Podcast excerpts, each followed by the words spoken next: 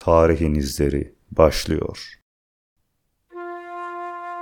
Gümüşler kasabasının Orta Çağ'daki adı ve tarihi hakkında dönem kaynağı bulunmamaktadır.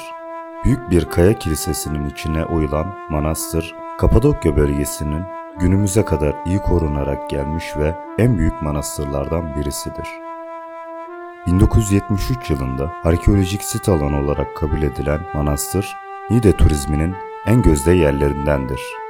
Kapadokya'da oyulmuş pek çok manastır bulunmaktadır ve bazı bilim insanları bunları yemekhaneli, açık havlulu olmak üzere iki grupta ele almaktadır.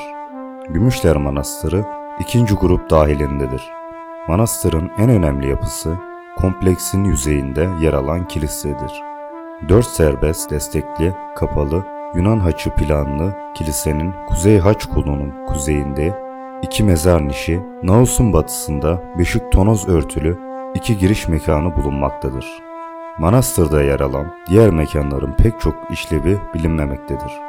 Kilisenin duvar resimlerinde en az üç farklı ustanın çalıştığı düşünülmektedir. Ana apsisteki üç şerit halindeki resimlerin en üstünde tahtta İsa, sağında iki melek, İncil yazarlarının sembolü ile desis sahnesinde yer alan Meryem ve Havariler.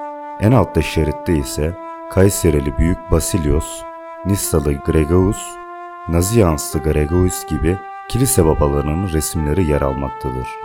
Kuzey Haç kolundaki Meryem'e müjde, İsa'nın doğumu ve tapınağa takdimi sahneleriyle Vaftizci Yahya ve Aziz Stefanos'un figürleri ikinci bir sanatçının elinden çıkmış olmalıdır. Nartex'in üstündeki bir odanın duvarlarında Kapadokya'da örneği görülmeyen av sahneleri çeşitli hayvanlardan oluşan bir kompozisyon dikkat çekmektedir. Kapadokya'daki pek çok kilisede olduğu gibi Gümüşler Manastırı'nda da duvar resimlerinin ikonografik ve üslup özelliklerine göre yapılabilmektedir. Kilisedeki resimlerin bu özellikleri ve karşılaştırmalı değerlendirmeler yöntemiyle 11. ve 12. yüzyıllara tarihlendirmek mümkündür. Birçok tartışmaya sebep olan meşhur Tebessüm eden Meryem Ana ve Çocuk İsa freskiği de Gümüşler Manastırı'nda bulunuyor. Manastır, kayanın içerisine oyulmuş, 13-60 ölçülerinde kare bir avlunun etrafına dizilmiş mekanlardan oluşur. Bu mekanlar, mutfak, dehlizler, odalar ve kiliselerden oluşuyor. Niğde'ye 8 kilometre uzaklıkta olan manastır, Niğde'ye şehir merkezinden başlayan tabelaları izleyerek Gümüş Manastırı'na kolayca ulaşabilirsiniz.